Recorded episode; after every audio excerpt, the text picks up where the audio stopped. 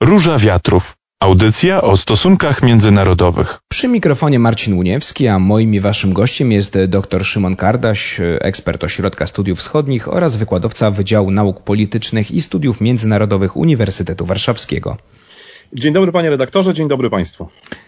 Z końcem roku zajmiemy się kilkuletnimi perypetiami związanymi z budową gazociągu Nord Stream 2. Przez ostatni rok ta budowa była praktycznie zawieszona. No 11 grudnia wznowiono pracę na tak zwanym niemieckim odcinku, czyli na wodach, na wodach niemieckich. Doszło do, do tego mimo wycofania się z przedsięwzięcia norweskiej firmy, która między innymi zapewniała statki, które pomagają przy budowie, czy są niezbędne tak naprawdę do budowy, do budowy takiego podwodnego gazociągu. No i również doszło do tego wznowienia mimo amerykańskich sankcji sankcji, które zostały nałożone na ten projekt.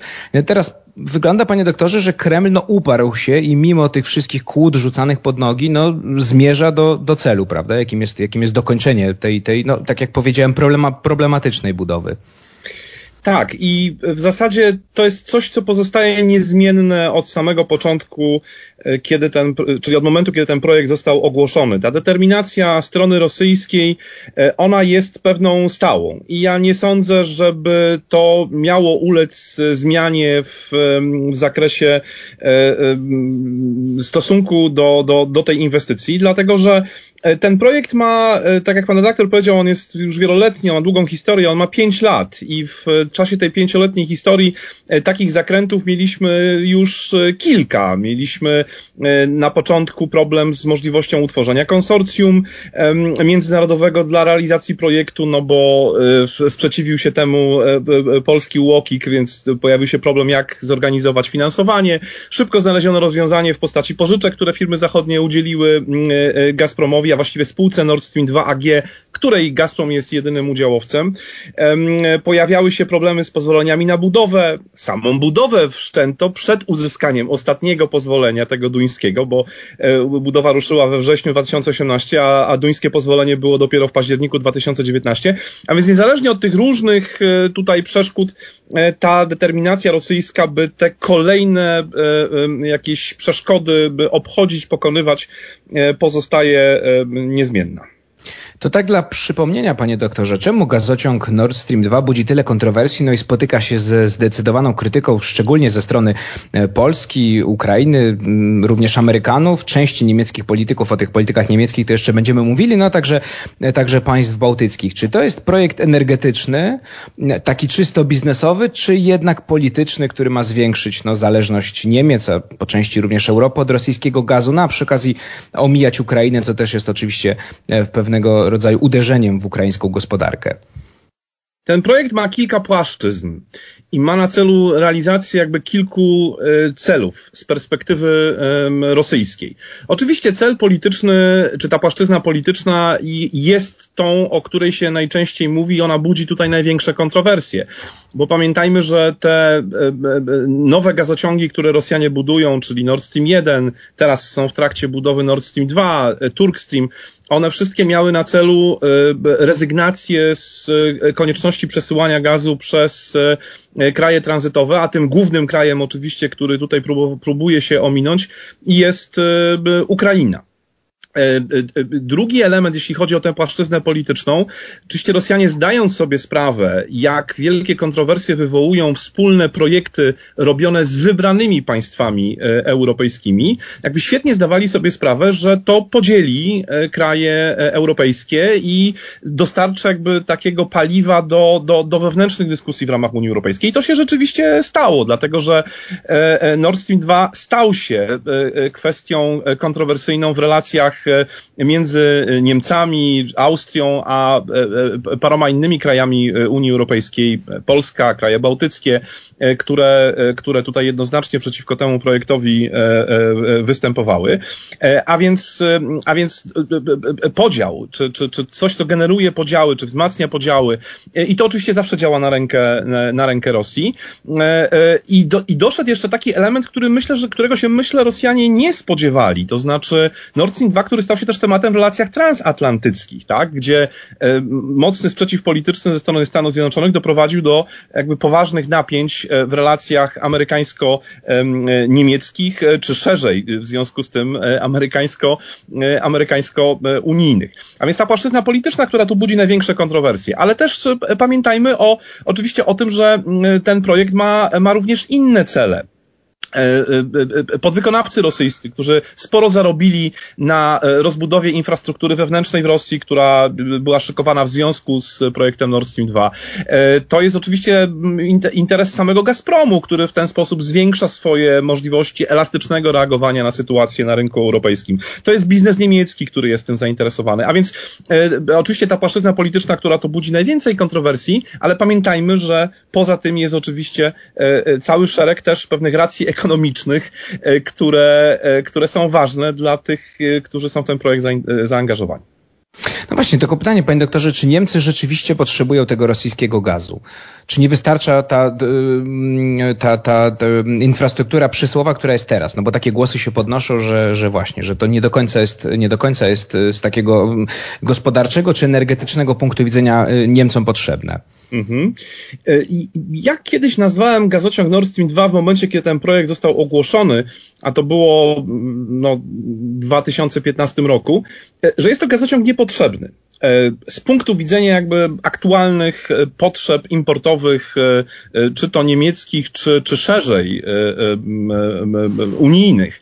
Dlatego, że te moce przesyłowe, które Gazprom ma w tej chwili do swojej dyspozycji, to znaczy Nord Stream 1, Jamal Europa, dużą magistralę przez Ukrainę, gazociąg Blue Stream bezpośrednio z Rosji do Turcji oraz oraz gazociąg Turk, e, Turkstream i jego dwie nitki, które zostały e, uruchomione w styczniu tego roku, no to jest infrastruktura, która spokojnie wystarcza do tego, by zaspokajać obecne potrzeby e, importowe odbiorców europejskich, a nawet je zwiększać. I w związku z tym, i w związku z tym infrastruktura typu Nord Stream 2, biorąc pod uwagę te potrzeby, no w tej chwili nie jest potrzebna. Tak jakby z czysto racjonalnego punktu widzenia patrząc. A z nami cały czas dr Szymon Kardaś, Ośrodek Studiów Wschodnich, Wydział Nauk Politycznych i Studiów Międzynarodowych Uniwersytetu Warszawskiego. A my rozmawiamy o wznowionych 11 grudnia pracach nad gazociągiem Nord Stream 2. No, ta epopeja ciągnie się już 5 lat z różnymi e, przeszkodami dla Rosjan. No, ostatni rok tak naprawdę prace były e, zawieszone. Gazociąg budzi bardzo duże kontrowersje, duży sprzeciw ze strony chociażby rządu Polski czy Ukrainy, które twierdzą, że no, jest tak naprawdę tylko i wyłącznie narzędziem politycznego nacisku Kremla nie jest potrzebny ze względów gospodarczych czy energetycznych. No i właśnie, panie doktorze, przez chwilę wydawało się, że i naciski Donalda Trumpa, i amerykańskie sankcje no, mogą skłonić Niemców do wycofania się z projektu, co de facto oznaczałoby jego porażkę, jego zakończenie. Czy wznowienie budowy może wpłynąć jednak na niemieckich polityków i uznają, że a, dobra, już niech finalizują ten projekt, skoro rozpoczęli te te, te prace. Dodam tylko też, że lobubuje za projektem no chociażby były kanclerz Gerhard Schroeder, czy byli oficerowie Stasi, czyli e, mm, służb byłej NRD, e, też, też z Rosjanami współpracują i, i optują za tym, za tym projektem. Więc e, pytanie, czy zmieni się teraz nastawienie Niemców? Czy może się zmienić nastawienie Niemców? Nie sądzę. I zresztą potwierdzeniem tego są ostatnie słowa kanclerz Angeli Merkel w Bundestagu, Y, która y, oświadczyła, że stanowisko niemieckiego rządu wobec tego projektu nie ulega zmianie, biorąc pod uwagę y, te ostatnie lata, co potwierdza no, w zasadzie pewną oczywistość, tak? Bo jeżeli obserwujemy zachowanie rządu niemieckiego w kwestii Nord Stream 2, w tych różnych trudnych momentach, jakie występowały czy to w relacjach e, europejsko-rosyjskich, czy szerzej w relacjach między Zachodem a Rosją w ostatnich latach e, i różne momenty, które e, właśnie były takim, stawały się takim przyczynkiem do dyskusji, czy nie powinno się zarzucić projektu Nord Stream 2, biorąc pod uwagę te polityczne uwarunkowania. Ja przypomnę tylko incydent rosyjsko-ukraiński w Cieśninie Kerczeńskiej w 2018 roku, kiedy już gazociąg Nord Stream 2 był budowany Podniosły się głosy, czy należy ten projekt kontynuować w takich warunkach, prawda? Potem pojawiła się kwestia w, chociażby z, z tych ostatnich miesięcy otrucia Aleksieja Nawalnego, prawda? Też znowu wzmogły się dyskusje, czy to nie jest moment, żeby takie strategiczne projekty zarzucić. Wreszcie kwestia tej presji amerykańskiej, o której pan redaktor wspomniał. No i mimo tych wszystkich elementów i mimo takich chwilowych tutaj wzmożeń, jakichś takich dyskusji, które się pojawiały też e, wśród, wśród niemieckich czy polityków, czy, czy, czy, czy ekspertów, czy w ogóle w opinii publicznej, no te zasadnicz, ta zasadnicza linia, e, ona zmianie nie uległa, a wznowienie budowy, które nastąpiło niedawno i zapowiedź, bo warto też dodać, że pojawiła się wczoraj zapowiedź kontynuacji prac w wodach duńskich w styczniu przyszłego roku, no potwierdza, że e, mimo tych chwilowych wzmożeń, e, jakby zasadniczy kurs wobec Nord Stream 2 zmianie nie ulega. To dopytam pana, jak, na, jak Kreml reaguje na krytykę Nord Stream 2, czy opór Polski, Ukrainy? No ostatnio Dmitrij Pieskow, czyli rzecznik Kremla, rzecznik Władimira Putina, stwierdził, że to jest część wojny hybrydowej, oczywiście kierowanej przez Amerykanów, która jest wymierzona w Federację Rosyjską. W jaki sposób jeszcze, proszę powiedzieć, no Kreml reaguje na te, na te próby powstrzymania, z różnych stron y, idące próby powstrzymania budowy Nord Stream 2? Mhm. Z jednej strony oczywiście mamy do czynienia z takimi standardowymi reakcjami e, e, politycznymi, czyli pewnymi oświadczeniami, które e, no, powtarzają te argumenty, jakie, jakie pojawiały się od samego początku, czyli że wszelka próba szkodzenia projektowi Nord Stream 2 to jest przejaw e, nieuczciwej konkurencji, to jest przejaw jakiejś wojny hybrydowej, którą prowadzi Zachód przeciwko e, Rosji, e, to znaczy Zachód, część Zachodu, tak, no bo Stany Zjednoczone, no i te kraje, które się, które się sprzeciwiają. To jest, czyli po, poza jakby krytyką tego typu zachowań, czy, te, te, czy, te, czy takim sformułowaniom, które, które są ostre, ostre w wymiarze retorycznym, towarzyszą jednocześnie pewne argumenty takie pozytywne, to znaczy, że projekt leży w interesie Europy, Europy, że on zwiększa bezpieczeństwo energetyczne Unii Europejskiej, że wszyscy powinni być zainteresowani w Europie w jego realizacji, bo to gwarantuje e, tańszy gaz, pewne dostawy i tak dalej, i tak dalej. Więc, więc coś, co jest powtarzane regularnie jak mantra, czy to przez Pieskowa, czy przez ministra Ławrowa, e, czy też Władimir Putin ostatnio podczas konferencji prasowej znowu jakby odwołał się do, do tych standardowych e, argumentów. To jest jedno. Druga rzecz to są oczywiście jakby realne działania, które Rosjanie podejmowali, czy bezpośrednio Gazprom, czy Gazprom poprzez spółkę Nord Stream 2 AG, E, aby oczywiście ten projekt e, konsekwentnie e, realizować i zapewniać mu taką, takie, no, jakieś komfortowe środowisko realizacji. Podam tylko kilka przykładów może. To jest walka z, z, ze znowelizowaną dyrektywą gazową, tak, która została na razie nieskutecznie zaskarżona przez, przez spółkę Nord Stream 2 AG. Próbowano podważyć, że ten akt też jest takim wyrazem jakiejś nieuczciwej formy walki z e, tym projektem.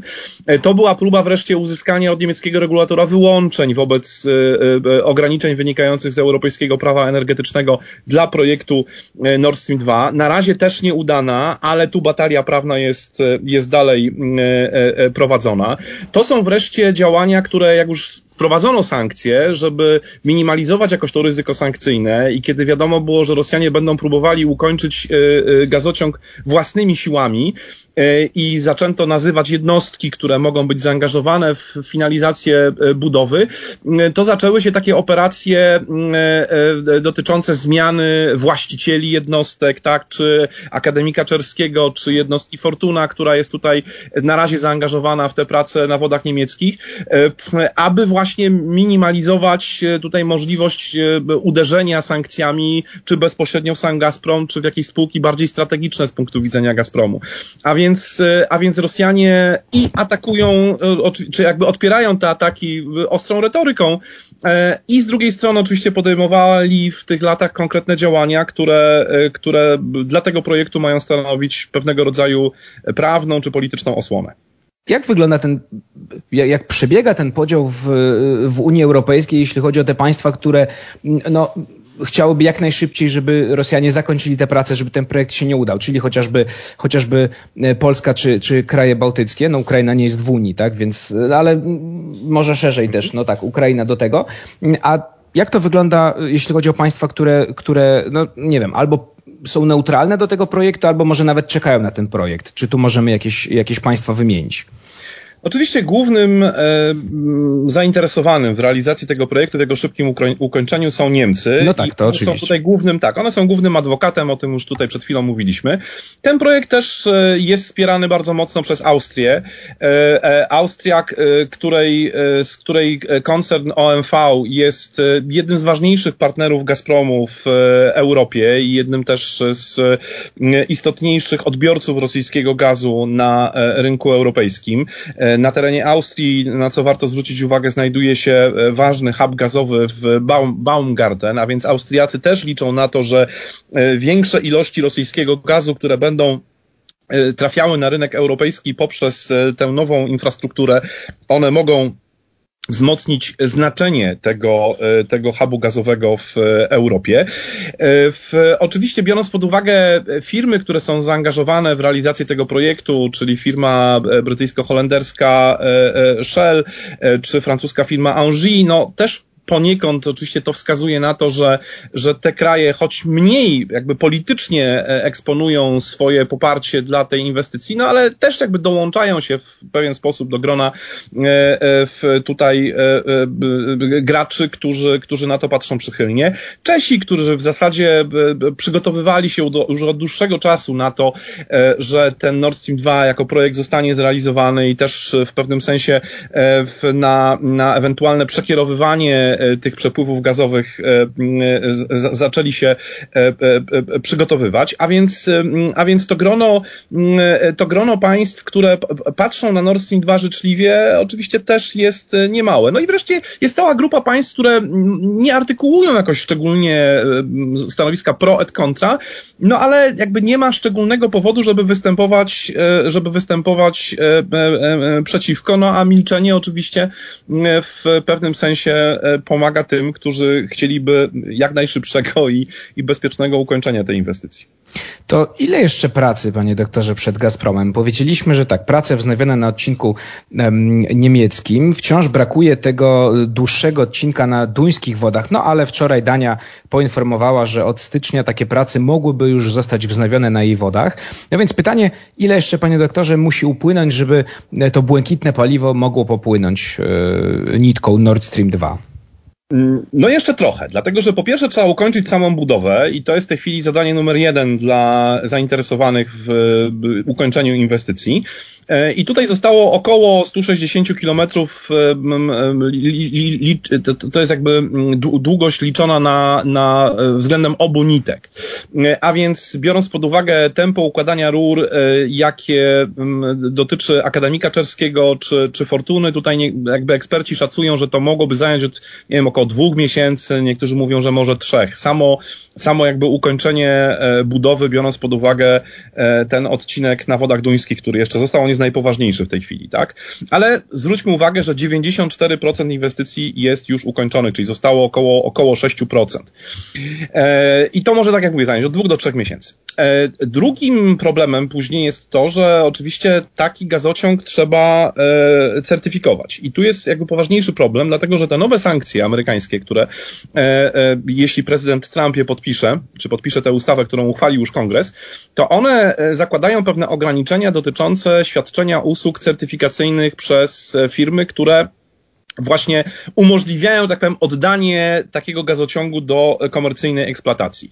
E, I te sankcje w takie firmy właśnie mają uderzać, co potencjalnie e, będzie wyzwaniem dla Gazpromu, by no, znaleźć podmiot, który taką certyfikację przeprowadzi.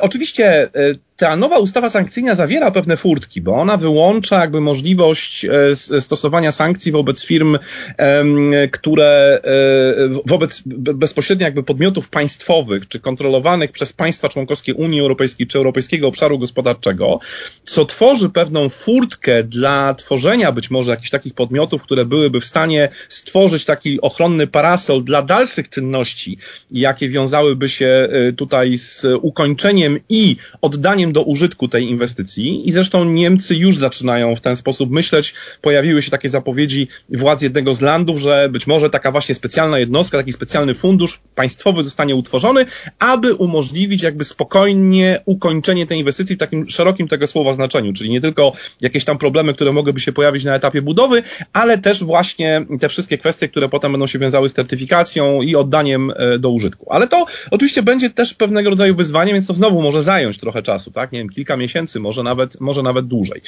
E, więc, e, więc pytanie o to, kiedy ten gazociąg może zacząć funkcjonować, nawet gdyby się budowę udało ukończyć szybko, pozostaje nadal pytaniem otwartym. To może być kwestia roku, to może być kwestia dwóch.